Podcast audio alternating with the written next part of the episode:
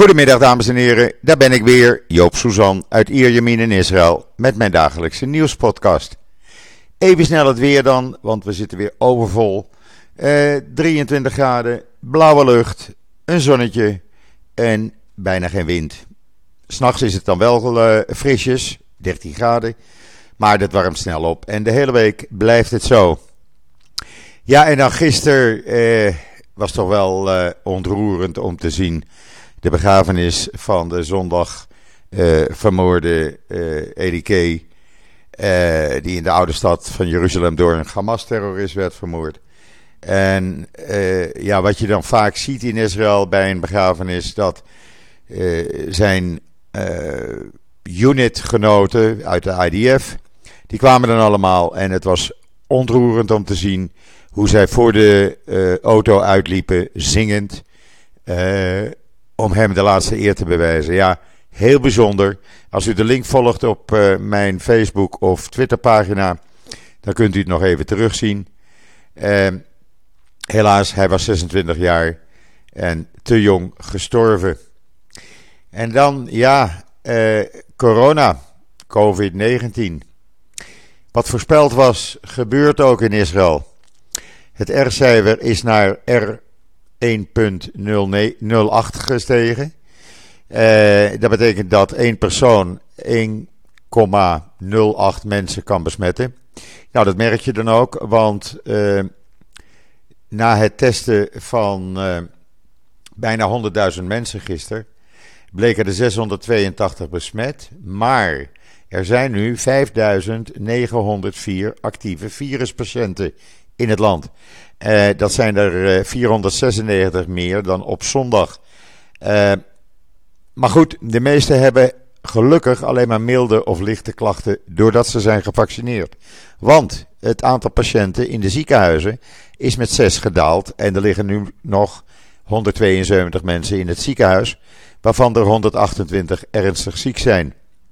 Dus ja, je ziet gewoon de invloed van de vaccinaties. En als ik dan meteen als reactie op mijn Twitter-account en Facebook krijg te horen van Nederlanders die zeggen: Ja, zie je wel, vaccinaties werken niet. Mensen lezen dus gewoon niet. Vaccinaties werken wel, want anders hadden we hier honderden en misschien wel meer dan duizend mensen in het ziekenhuis gehad. En gelukkig gebeurt dat er ook niet.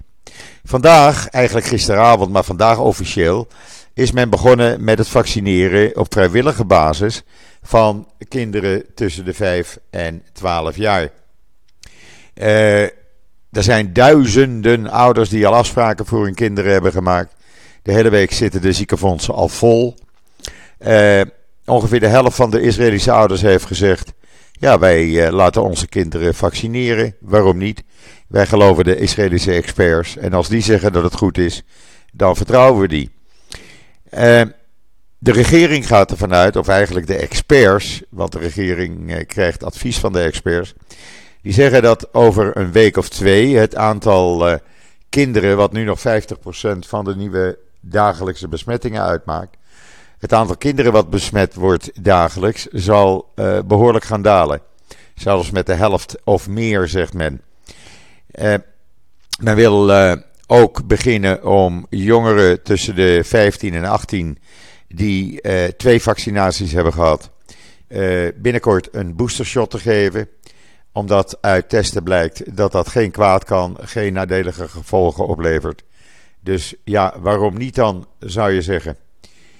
Uh, daarnaast was er een bericht vanmorgen dat Israël ja, overweegt, aan het kijken is om een eigen binnenlandse productiefaciliteit voor vaccins op te zetten. Dan hoef je die niet meer uit het buitenland te laten komen. Dan kan je ze hier uh, gewoon produceren. En dat kan natuurlijk omdat binnenkort dat BriLife uh, vaccin gereed is. En uh, ja, daar kan iedereen gewoon met een Israëlisch vaccin gevaccineerd worden. Dat BriLife vaccin, dat schijnt vele malen beter te beschermen en beter te zijn dan van Pfizer, wat we hier gebruiken, en Moderna. Uh, beschermt ook langer. Het werkt niet op mRNA-techniek. Dus ja, er is geen reden voor uh, ongerustheid. Ook al omdat het Israëlische uh, vaccin al gebruikt werd, min of meer, bij dieren. En dat heeft men alleen aangepast. En dan is er een Israëlisch foodtechbedrijf, Safor Eat. Ik heb daar al vaker over geschreven. Die, ja, die gaat de high-tech-markt in. Maar hoe dan? Nou, ze hebben een robot ontwikkeld uh, die uh, in een uh, high-tech keuken gaat koken. Eat maakt vleesalternatieven die, ja, dat zijn geprint, geprint vlees, laat ik het zo maar zeggen. En dat is niet van, qua smaak van echt te onderscheiden.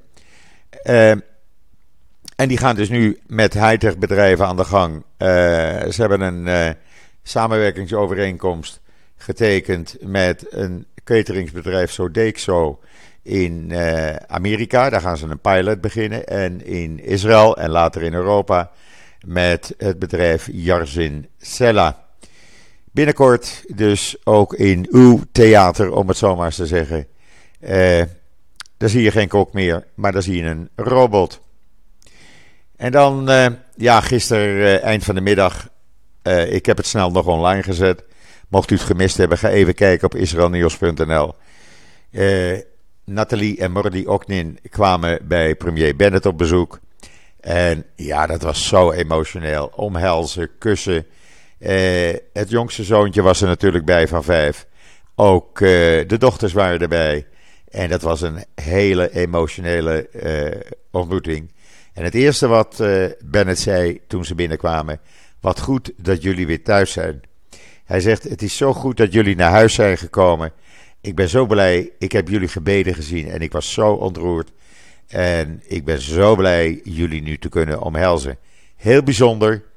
Uh, ga het even kijken, mocht je het gemist hebben, op israelnieuws.nl.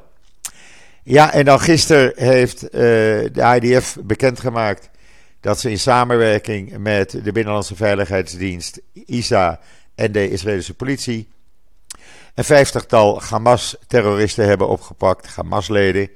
Eh, die hadden een hele grote cel, Hamas-cel, op de Westbank, Judea, Samaria. Uh, ze hebben explosieve munitie, uh, uh, zelfmoordgordels, alles gevonden. Dat is allemaal vernietigd meteen de mensen, die 50 die gepakt zijn, die kunnen voorlopig geen terreur meer uitoefenen. Want die zitten de komende jaren, mag je vanuit gaan, achter slot en grendel. Goeie zaak wat de IDF gedaan heeft. Petje af voor deze jongens en meiden. En dan, uh, president Herzog is in uh, Engeland op statiebezoek. Tot en met morgen. Of tot vanavond, geloof ik. Um, hij had gisteren een ontmoeting met prins Charles in uh, de residentie van Charles in Highgrove House. Uh, een hele vriendelijke, prettige ontmoeting geweest. Ze hebben over van alles en nog wat gesproken. En uh, vandaag had, of gisteravond, heeft hij postuum de Genesis Lifetime Achievement Award toegekend aan rabbijn Jonathan Sachs. Herzog overhandigde de Lifetime Award aan de weduwe van de rabbijn. Uh, en dat is heel bijzonder, want er zijn niet veel buitenlanders die deze uh, bijzondere Israëlische onderscheiding hebben mogen ontvangen. Maar Rabijn Sachs, ja, uh, ik denk velen van jullie kennen hem wel. Hij was een bijzondere man. Ik heb altijd met veel plezier naar zijn video's geluisterd en gekeken. En hem komt die eer absoluut toe. En dan, uh, ja, er is een, uh, veiligheidsconferentie in Israël. En daar heeft Bennett natuurlijk vanmorgen gesproken. En die heeft gezegd dat uh, Israël in slaap viel nadat de Iran-deal was afgesloten in 2015 was dat. dat zullen we, zal ons nu niet meer overkomen. Maar, zei hij erbij, zelfs als Amerika en de Europese landen de Iran-deal weer gaan vernieuwen, voelen wij ons er niet aan gebonden en zullen wij doen wat ons goed lijkt uh, om het gevaar van Iran te bedwingen, te beteugelen. Uh, wij zijn niet aan die Iran-deal gebonden. Hij, uh, Hij zegt: waar wij ons op concentreren, is het verslaan van de gevaarlijke Islamitische Republiek en zijn proxy-terreurcellen in Libanon en Syrië. Dat is veel belangrijker dan die hele Iran-deal. Uh, minister van uh, Defensie Gans heeft trouwens op diezelfde conferentie twee basissen van drones in Iran onthuld. Ja, de Mossad staat voor niks natuurlijk. dat zijn twee locaties van waaruit aanvallen werden uitgevoerd met drones op doelen op zeeschepen. die liggen in het gebied van Gabagar en de andere op het eiland uh, Kusem, net voor de kust van het Iraanse vasteland. Gans uh, zei erbij: we houden het in de gaten. Ze zijn met die drones tot alles in staat. En wij zullen ze niet de kans geven ook dat te doen wat ze willen doen. En dan gaat diezelfde meneer Gans, de minister van Defensie, vanavond naar Rabat. Even voor de Marokkaanse luisteraars, mochten ze luisteren, die zo anti-Israël zijn. Ja, de Israëlische minister van Defensie, Benny Gans, gaat vanavond naar Marokko. Blijft daar twee dagen in Rabat. Uh, ten eerste gaat hij uh, de normalisatie formaliseren tussen Marokko en Israël. En ten tweede gaat hij defensieovereenkomsten met Marokko tekenen. Marokko wil graag uh, Israëlische defensie-know-how.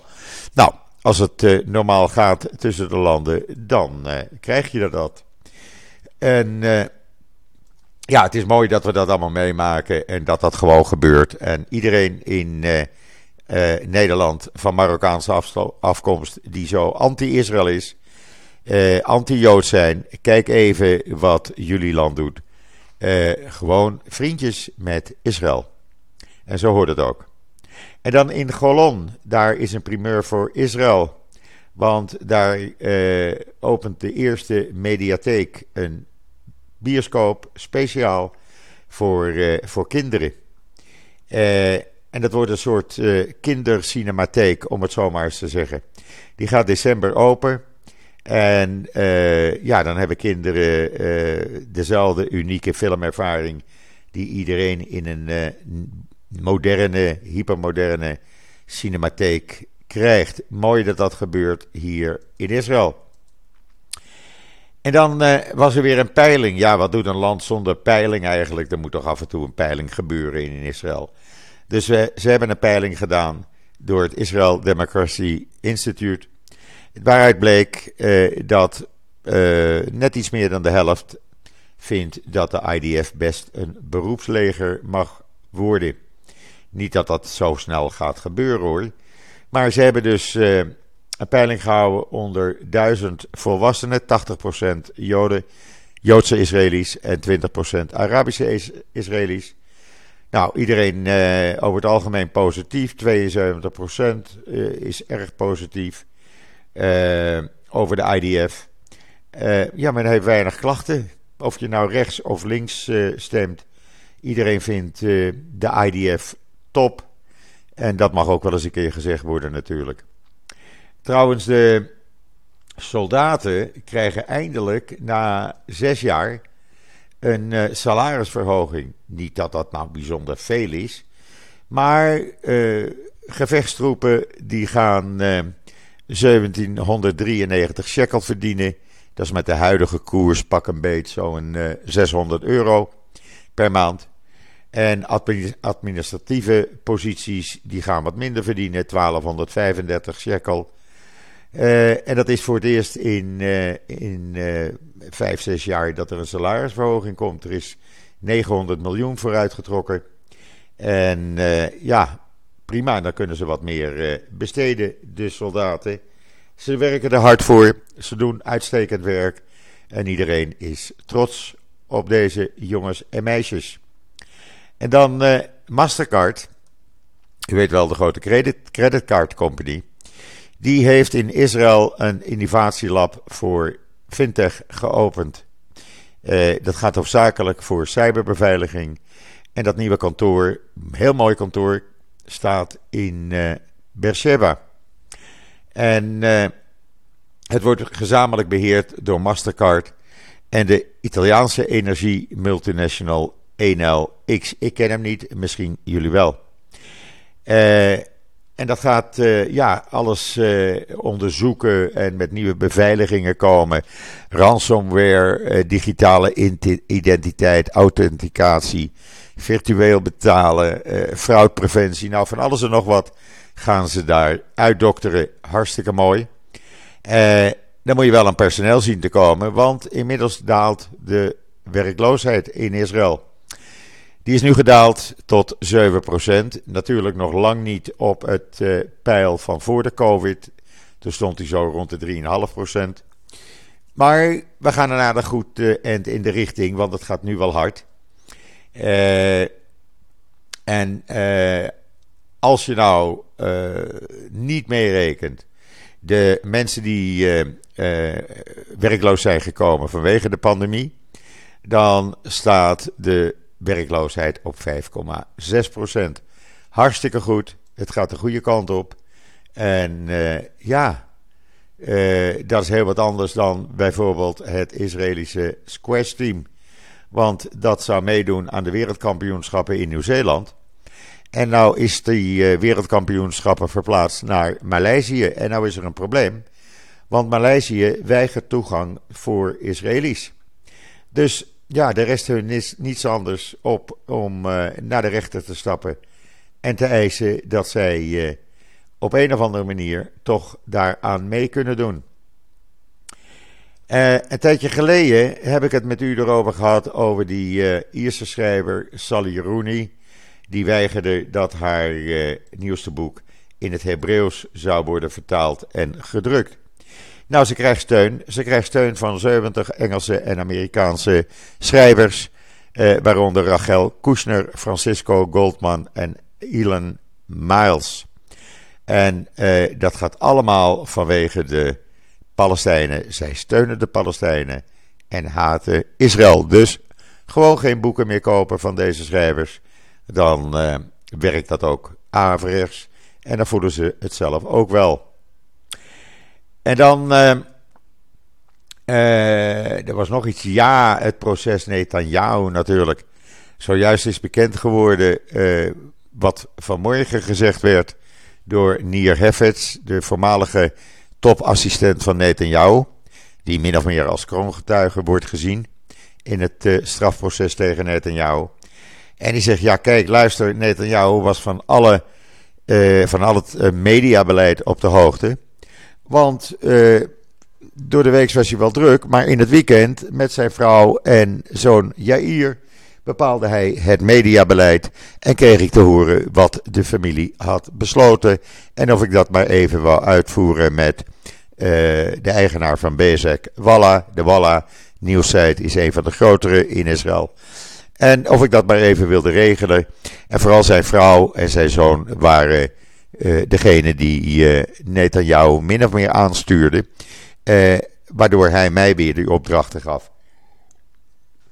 Even een slokje water.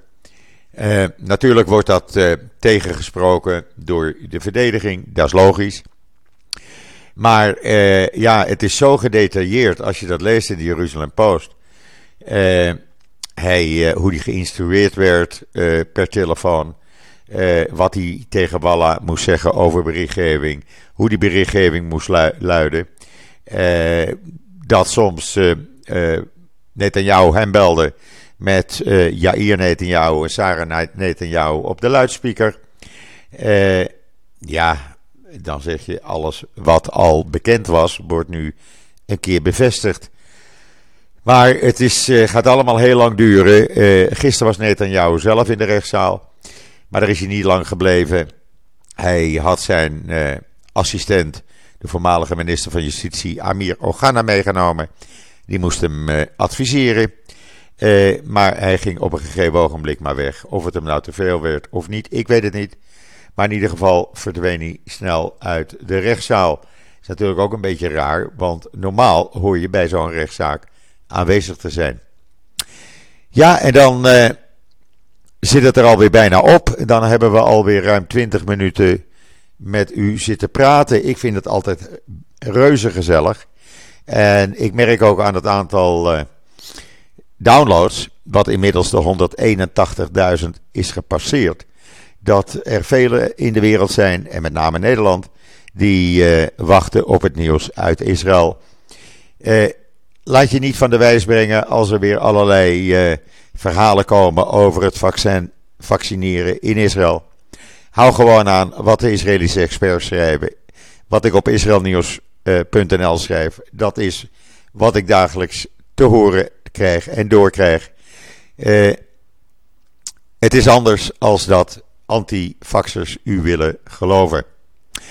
Dit gezegd hebbende wens ik u allemaal nog een hele fijne voortzetting van deze dinsdag, de 23 november.